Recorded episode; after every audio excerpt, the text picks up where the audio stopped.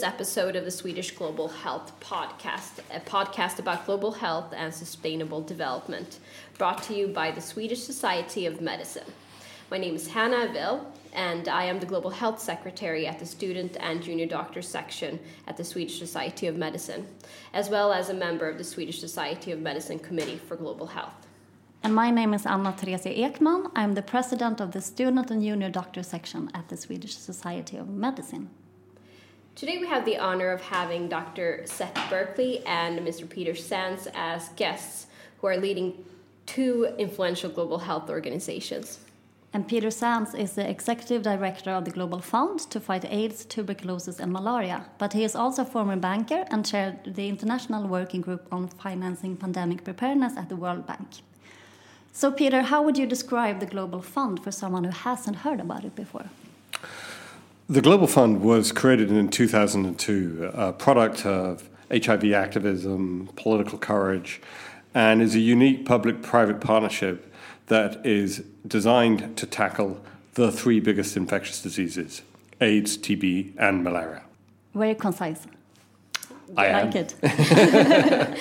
and uh, Dr. Seth Berkley is the Chief Executive Officer of Gavi, the Vaccine Alliance, medical doctor specializing in infectious disease epi epidemiology and global health. He has consulted or worked in more than 25 countries in Asia, Africa, and Latin America. Welcome. Thank you. Uh, I would like you to get the same question. How would you describe Gavi for someone who hasn't heard of it before? So Gavi is actually now approaching its 20th year of life, born in the year 2000. It's older than we are. um, born, born in the year 2000. And it's the idea was there were powerful new vaccines that were uh, coming out, and they weren't being made available to the people who need them the most. So that was the challenge, is to get these new powerful vaccines, particularly to low-income countries. But since then, we've changed a lot about our mission. Thank you. So, Peter and Seth, can you just briefly tell us a bit about what uh, initiated your personal engagement in global health? Well, unlike Seth, who actually is an expert on this stuff, um, I am not. Um, my career was very much based on my training as an economist and as a financier um, I ran one of the largest banks in the world for the best part of nine years. Uh, and so, uh, for those of you thinking of your careers, this was not in my career plan. Um, uh, when I stepped down from being the CEO, um, I went to Harvard for a couple of years as a research fellow and started focusing on the economics and financing of global health because I thought this was something that, that had always intrigued me.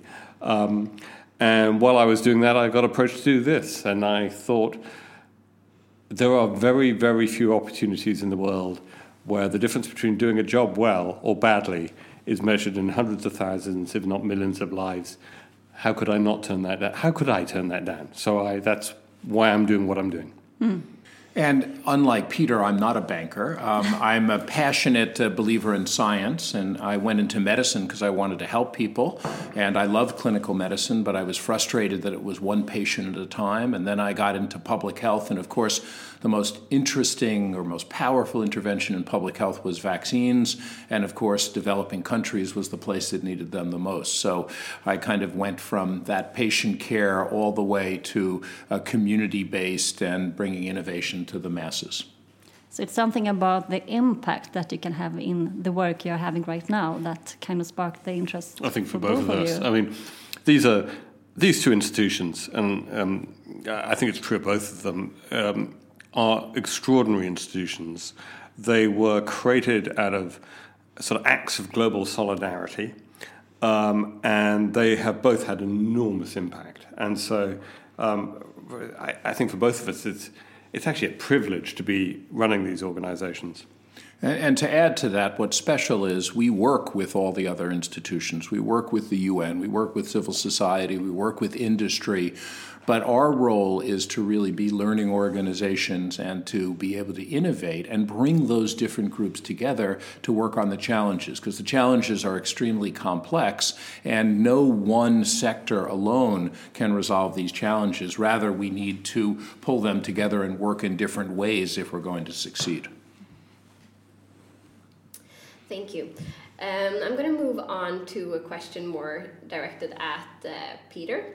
Um, I read through the Global Fund's report of 2018, and it stated that uh, 27 million lives have been saved through your organization's work. Uh, and that's quite an achievement. But I would like you to elaborate further on the greatest challenges that you faced in maximizing your impact against tuberculosis, HIV, and malaria. It is true that the Global Fund has delivered enormous impact. And I can say that without claiming any credit at all, because I've only been there for um, uh, a year. Um, but the essentially what has happened in the time since the Global Fund was created in 2002 is that deaths from the three biggest infectious diseases, AIDS, TB, and malaria, have more than halved.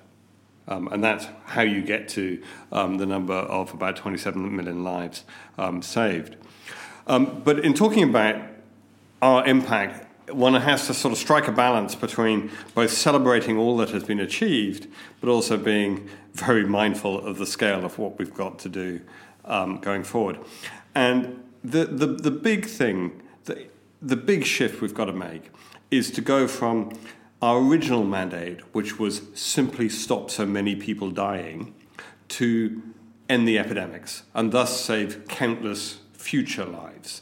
And that means a shift in programming, not just from treatment and thus preventing death, but also to prevention. And still, too many people across the three diseases are actually being infected. And so, put very simply, the big challenge is we've got to achieve a dramatic reduction in infection rates. Thank you.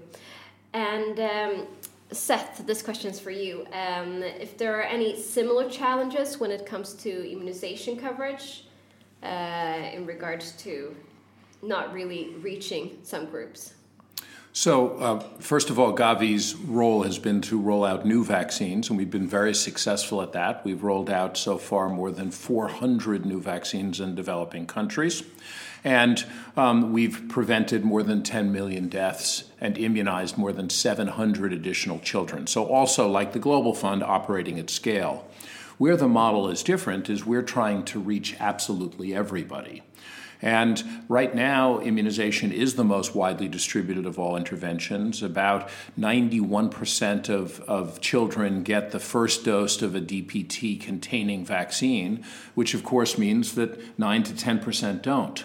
And so our goals now are how do we reach those last mile and turn the last mile into the first mile? And so if we think about the SDGs, leave no one behind is, is the critical beat that you want for that. And so what we're asking is how do countries focus on areas of low coverage? How do we identify zero dose children? And it's not just to vaccinate them, how do we bring them into the health system? And when you do that, of course, they get vaccinated, but you build, you put that woman health worker, you build the supply chain, you build the system so that they will get other health interventions as well. And that's really the goal we're trying to do. One last point is that more and more this is in urban slums, in, in fragile states, and in refugees. It isn't only the hinterlands like it used to be. So it means we have to adapt the way we work in those different environments, which makes it complicated. We have, we have an equivalent but somewhat different. Um, uh, leave no one behind set of challenges, um, which is that many of the populations who are most vulnerable to HIV and TB in particular, to some extent malaria, are populations who, in one way or another, are deprived of access um, to health services because of human rights related barriers, criminalization, marginalization, stigma. So we're talking about men who have sex with men, people who inject drugs, sex workers, transgender, prisoners, migrants. Um, and, and so a key part of our work is actually ensuring that we, we do leave no one behind as well. So it's a, it's a, it's a parallel, but it works in a somewhat different way than um, Gavi. Yeah. Mm. And you talked a bit about leaving no one behind and the SDGs, meaning the Sustainable Development Goals. Um, I was curious to know what key transformations you think are needed to achieve the 2030 agenda and also what mandate your specific organizations have to achieve that. So, um, as I mentioned at the beginning, Gavi was, was started to focus on low income countries. And the interesting thing there is today, low income countries actually are doing as well in high income countries in terms of vaccine introductions. And in some vaccine antigens, they're actually higher. For example, hepatitis B, more low income countries have introduced it than high income countries. However, the group in the middle, the middle income countries, are doing significantly worse than both of those. Now, that's not an issue of money. They have money. The challenge is, is the allocative efficiency of that money. The ability to use that money to help improve health is not in, going well in those countries. So, one of the challenges is how we focus if we're going to leave no one behind, because by 2030, 70% of the under immunized children will actually be in middle income countries because of the successes in low income countries. So, this is a challenge that we are currently dealing with as we put our next strategy together and and see if the world will agree and support us to try to do that. It's about improving the domestic resources, not about us necessarily financing it, but can we help them get better pricing for vaccines? Can we help them have access to the new technologies that'll improve their health systems? One of the specific uh, targets in SDG 3 for 2030 is to end the epidemics of HIV, TB, and malaria the blunt truth is, is that on the current trajectory, we're not going to achieve that. Um, we need more innovation. We need even more effective collaboration, and that's one thing Seth and I are working on um, very closely together. And we need to get even more rigorous um, and smart in our execution, using data to scale up what works, to stop what doesn't, to fine tune and target interventions. But we also need more money. And uh, that's the core of the Global Fund's investment case. Um, we are in the middle of the process for our replenishment. We fund the Global Fund on a three year cycle, uh, and it's happening right now. Um, and we are asking for $14 billion to um, finance the next three years of our work. Um, which is 15% more than we got in the last cycle. And the reason we need more is to get back on track and to be able to deliver the SDG 3 ambition of ending the epidemics. And apart from uh, from the actions that you already mentioned, are there anything? Uh, can you see like any key player or a stakeholder that are not currently engaged that you would like to have engaged in in these discussions? Well, I think the important thing about the SDGs that's different than the Millennium Development Goals um, is that the SDGs are about integration and it's about the entire globe, and it's also about um, trying to look at all of the other factors that influencing things.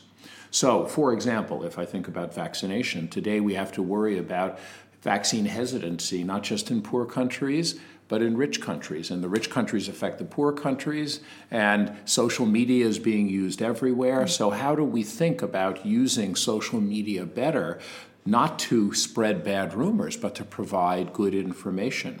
How do we think about, as people through climate change are shifting into urban slums, how do we think about being able to track those children, those families? How do we use digital systems to have real time data that allows us to respond quickly? How do we take into account the effects of climate change on the movement of vectors that can cause infectious diseases? So I think we now have a, an understanding of the complexity of the system, and we need a much more systems approach to dealing with development. And to me, that's what the SDGs are. Of course, if you do everything, you do nothing. So the challenge that both Peter and I have is how we focus and work with the people who can help move the agenda forward, but not try to do everything so we diffuse our missions and not get to the results that have made us both very successful partnerships. A good example of exactly the kind of challenge Seth is talking about is how we tackle one of the most difficult problems and the HIV epidemic, which is the shockingly high rates of infection among adolescent girls and young women in some parts of Africa, where adolescent girls are five to eight times as likely to be infected as boys of the same age. And to give you a sense of the scale, we're talking about a, a thousand girls a day being um, infected. Now, when you actually look at what's going on here, in a sense, the biomedical challenge is the least of it, the issues. And if you wait till it's a biomedical problem, you've missed um, the problem. Um, what you've got is a very deep set of structural gender inequalities, a nasty mix of uh, gender based violence, of educational disadvantage, of economic disempowerment. The, therefore, to really get to grips with a problem, you're talking about working with school authorities, the police, um, civil society, um, so it requires a degree of collaboration and partnership that goes way beyond the narrowly medical. The thing, though, that I think we also have to recognize is that ultimately, the people who are going to deliver SDG 3 are not people like Seth and I and our organizations, but the communities and countries themselves. Um, and that our role is to enable, help, facilitate, give resources to, um, but we have to ensure that agency and leadership um, is actually in the places most affected um, by these diseases, by these health challenges. Um, and, and, and to that end, I mean, I see one of the most sort of powerful things is giving voice to and giving um, the ability to shape their destiny. So, for example, on the adolescent girls and young women, we have a program called Her Voices, which is designed to give relatively small grants to community organizations of adolescent girls and young women to enable them to not just be recipients of programs, but to, to design them, shape them, create them themselves. Great. So now we've had a bit of a discussion regarding um, how students or the local individuals can contribute to sustainable development goals. I was just wondering if you have anything to add in regards to barriers that they might face. Well, I mean, I think the important issue here is that we need, it isn't my generation that has to solve these problems now. It is the next generation, and that next generation is much more globally linked. They grew up in a world where they were connected with social media. They grew up in a world where um, people, a billion people, travel out of their country a year. And the challenge is going to be to think about helping to solve these problems on a global scale, but also with what Peter said, which is all the solutions ultimately are going to be local. So it's it's how you do global global global solidarity, working together, making sure the tools and the technologies are available, but then also allowing and empowering local communities. And on that, the voice is important, the solidarity is important, and of course, for those who want to make a career in it, this will be an important priority as well. And, and just lastly, to say that Sweden, of course, with its intense engagement on development aid. It's 1% expenditures on development aid, it's, its interest in, in sexual and reproductive health, its interest in democracy plays a particularly important role because it has a voice that's even larger than its financial um, uh, you know, uh, uh, uh, support. And keeping that voice, keeping that drumbeat there is going to be important to make sure the right things happen across the world. To that end, I think young people have an incredibly important role to play in rekindling the kind of sense of global solidarity that was actually at the genesis of organizations like Gavi and the Global Fund, but somehow uh, we seem to have lost a bit of. Um, it's not exactly flavor of the month um, yeah. uh, and and so how do we how do we reignite uh, that? And and yeah, there are barriers, right? You know, organizations and uh, people in professional roles like us aren't always the most receptive and good at listening. Um, uh, young people sometimes um, self limit and think that they're not going to be listened to, even if they are. Um, and so we, we need to work together to um, uh, unleash those voices. And I'm most concerned actually about the voices of people who are directly affected. Uh, because one thing I think the, the empirical evidence is incredibly clear on is that if you try and make sort of behavioral and medical interventions to communities without actually listening to those communities, you're not going to work very effectively. Okay, um, I think the time's up now, so I would like to thank you both for taking your time to be here today with us. And uh, we would love to discuss these topics for a long time. But uh, as we say in Swedish, uh, time fat passes fast when you're having fun. I'm trying to translate in my head. Uh, yeah. Yeah, so that's all for today's podcast. Uh, stay tuned for more interesting discussions on global health in coming episodes. Thank you for coming. Thank you. Thank you.